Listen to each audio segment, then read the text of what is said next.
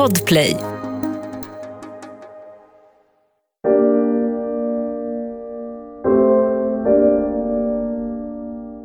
En treårig pojke försvinner plötsligt från ett köpcentrum i Liverpool, England. Övervakningskameror visar senare att två äldre pojkar har lett den yngre pojken ut ur köpcentrumet. Och ingen hade någonsin kunnat ana vad som senare skulle hända. Du lyssnar på Värsta morden, en podcast av Saga Lindqvist Springhorn. Den här säsongen baseras på fall som ni lyssnare har tipsat om. Och redan nu kan du lyssna på alla avsnitt av den här säsongen på plattformen Podplay. Jag vill varna för grovt innehåll och ingående våldsskildringar. Det är den 12 februari 1993. De två tioåringarna, John och Robert, har inte dykt upp i skolan den här fredagen. Istället strosade de runt i ett shoppingcentrum. Pojkarna sysselsatte sig genom att gå in i olika butiker. I butikerna tog de saker, snattade. Det spelade egentligen ingen roll vad de tog. Bara ingen såg. För lite senare slängde de stöldgodset ner för en rulltrappa. Detta för nöjes skull. Tiden går och att sno och kasta iväg saker för nöjes skull har gjort sitt. Pojkarna vill göra något annat. John och Robert bestämmer sig nu för att de ska ta någons barn. Pojkarna går in i en klädesbutik. De får syn på en mamma bredvid sina barn.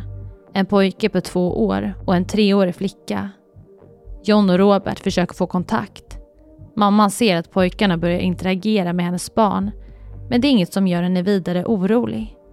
Men bara en stund senare är hennes tvååriga son plötsligt försvunnen. Kvinnan börjar leta efter sin son och nu är hon orolig. Vart kan han ha tagit vägen? Hennes treåriga dotter säger att sonen gått iväg tillsammans med pojkarna. De gick ut ur butiken. Hon ropar efter sin son och ser honom snart utanför butiken bredvid de två tioåriga pojkarna. När John och Robert ser mamman förstår de att deras plan skulle misslyckas. De tittar på den lilla pojken som de lurat ut ur butiken och säger åt honom att gå till sin mamma. Sen springer de därifrån.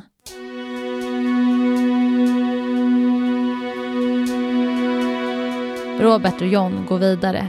De bestämmer sig för att stjäla godis och går till en mindre butik med ett stort godisutbud. När de kommer till butiken får de syn på treåringen James. James står bredvid sin mamma Denise. Denise är distraherad och konverserar med kassavärden. James blir ett perfekt byte för John och Robert. Pojkarna går fram till treåringen James och säger att han ska följa med dem. John tar James i handen och tillsammans går de ut ur butiken. Denise märker inte att hennes son försvinner iväg med de äldre pojkarna. De fortsätter gå. John håller James i handen. En videoupptagning från köpcentrumets övervakningskameror fångar trion när de går ut ur köpcentrumet strax innan klockan 16.00. Denise har nu genomfört sitt köp inne i butiken. Men hon kan inte hitta James. Hon får panik. Hon letar febrilt efter sin son, ropar och frågar människor som passerar henne. Men ingen vet vart han är. Denise går till centrumets säkerhetsavdelning och beskriver hur hennes treåriga son ser ut. Och snart ropar man ut i högtalarna i centrumet att en treårig pojke försvunnit. Nu anmäls också händelsen till polisen. Men än är det ingen som misstänker John och Robert, för ingen har ännu sett övervakningskamerans video.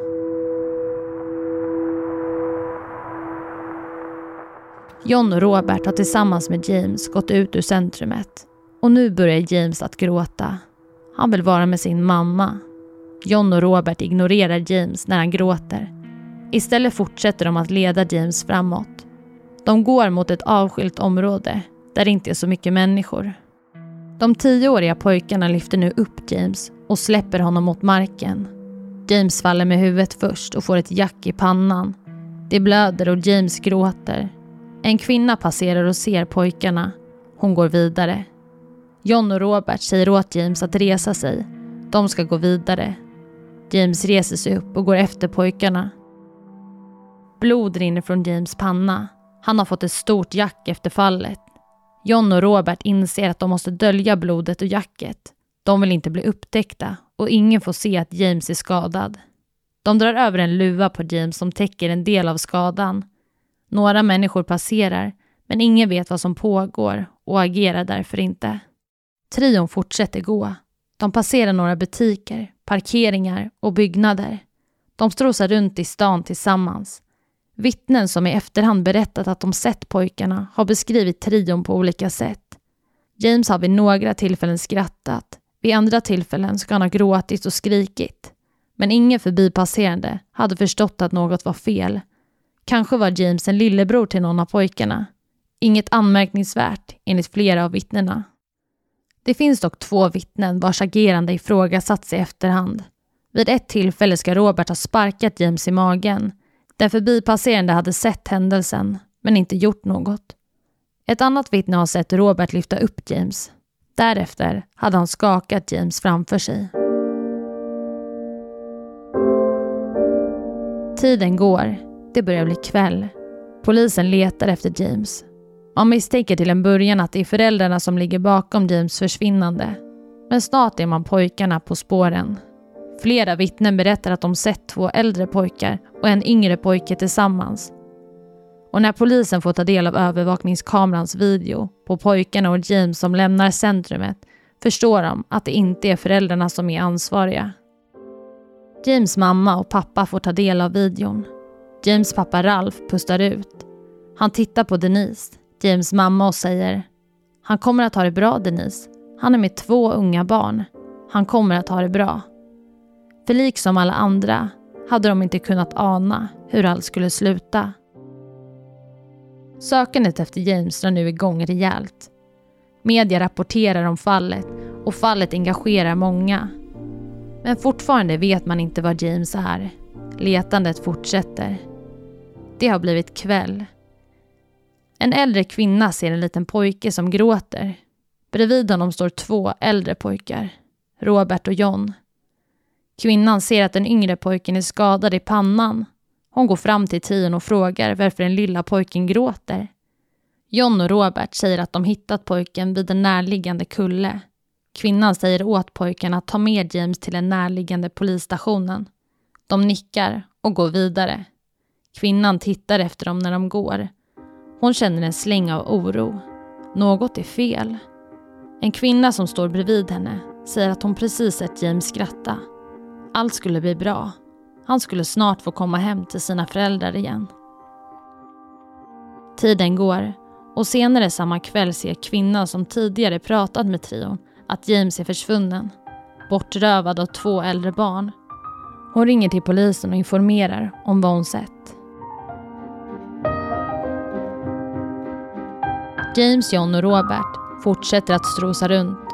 De går in i några butiker tillsammans och plötsligt står där några pojkar som är äldre än John och Robert.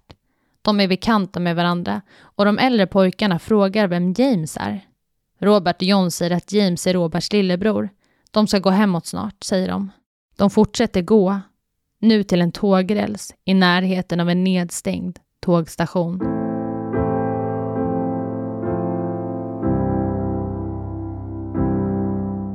Nu stannar vi upp här endast för att jag vill återigen varna för mycket grovt innehåll och ingående våldsskildringar. Det här är inget för känsliga lyssnare. Vi går vidare. Dessa händelser som ni nu ska få ta del av ska ha skett någon gång mellan 17.45 och 18.30. De tre pojkarna står nu vid en tågräls John och Robert har tidigare stulit blå målarfärg i en butik. De tar fram burken och skvätter färg i James vänstra öga. James gråter och gnuggar sig i ögat.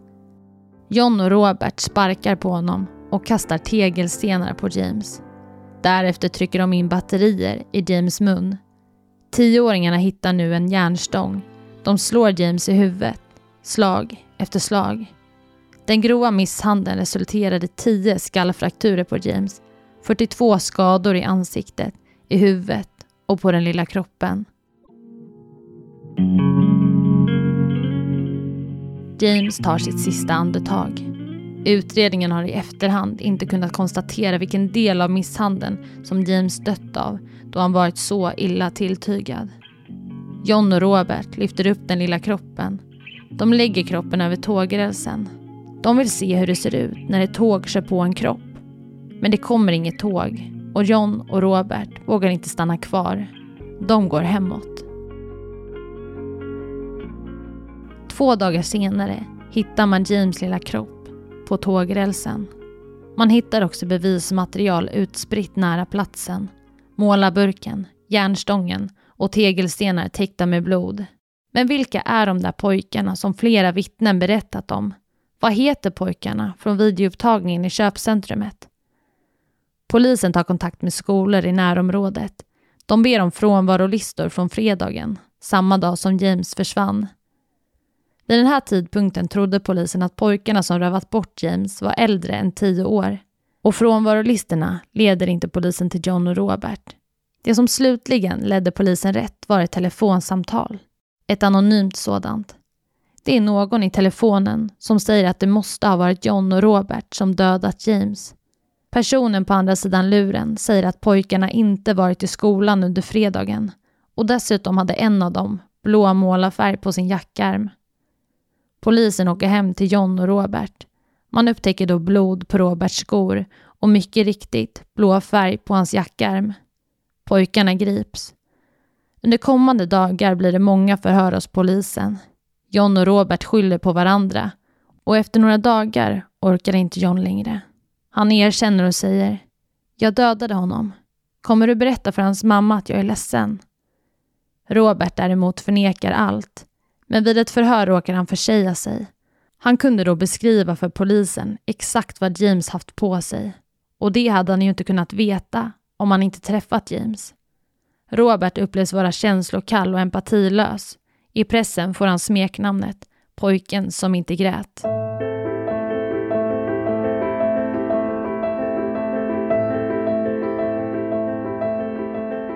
Ja, fallet rör upp många känslor hos allmänheten. Några uttrycker att pojkarna förtjänar dödsstraff. Det blir en enorm hatstorm mot tioåringarna. En hatstorm som än idag lever kvar. Många vill att John och Robert ska avrättas i vuxen ålder.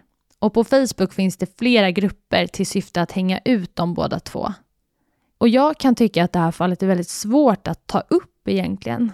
Det som många frågar sig är, var var föräldrarna någonstans? Och vad hade de här barnen i bagaget som gjorde att deras spärrar var helt obefintliga? Både John och Robert levde i vad som har beskrivits vara dysfunktionella familjer. I skolan hade pojkarna det svårt och de var aggressiva till och från. Man får såklart göra sin egna bedömning. Vissa riktar fortfarande ett enormt hat mot pojkarna, eller idag männen. Andra menar att det är vårdnadshavarna som borde stå till svars. Vi går vidare.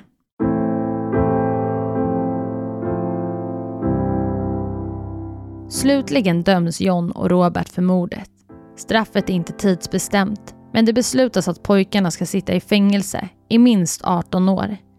Det innebär att pojkarna tidigast skulle kunna få lämna fängelset vid 18 års ålder. Om pojkarna efter åtta år inte ansågs vara en fara för samhället kunde de därefter gå fria. Man vet inte det exakta motivet. Vissa menar att det varit ett sexuellt motiv då James hittades avklädd och dessutom hade en rättsläkare konstaterat att James förhud varit skadad. Andra menade att det berodde på en avtrubbning då både John och Robert tittat på skräckfilmer. Samma vecka som pojkarna dödade James hade de kollat på skräckfilmen Den onda dockan 3 och många av filmens scener påminner om attacken mot James. Pojkarna visade inga avvikande beteenden i fängelset så vid 18 års ålder släpptes de båda år 2001 men de var inte fria trots det. Hatstormen fanns och finns än idag kvar. Både John och Robert fick hemliga identiteter vid frigivningen på grund av hotbilden från allmänheten. James pappa Ralph har sagt i media att han ska hämnas om han hittar John och Robert. James mamma Denise sökte upp en av killarna efter att de släppts fria. Hon hade hämnd i sig men var så full av hat att hon inte kunde göra något.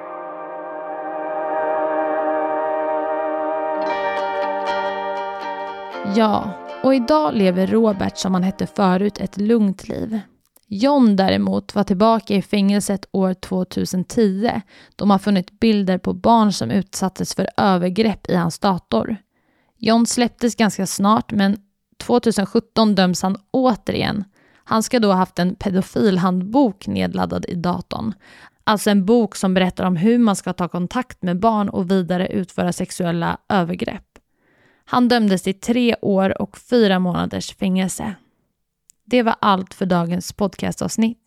Och har ni frågor eller funderingar eller förslag på fall till podden så kan ni skriva till mig på Instagram där jag heter Saga Springkorn eller mejla till värstamorden springkorn.se. Och nästa vecka kommer jag berätta om TikTok-mördaren Isabella. En ung tjej som står anklagad för mordet på sin mamma.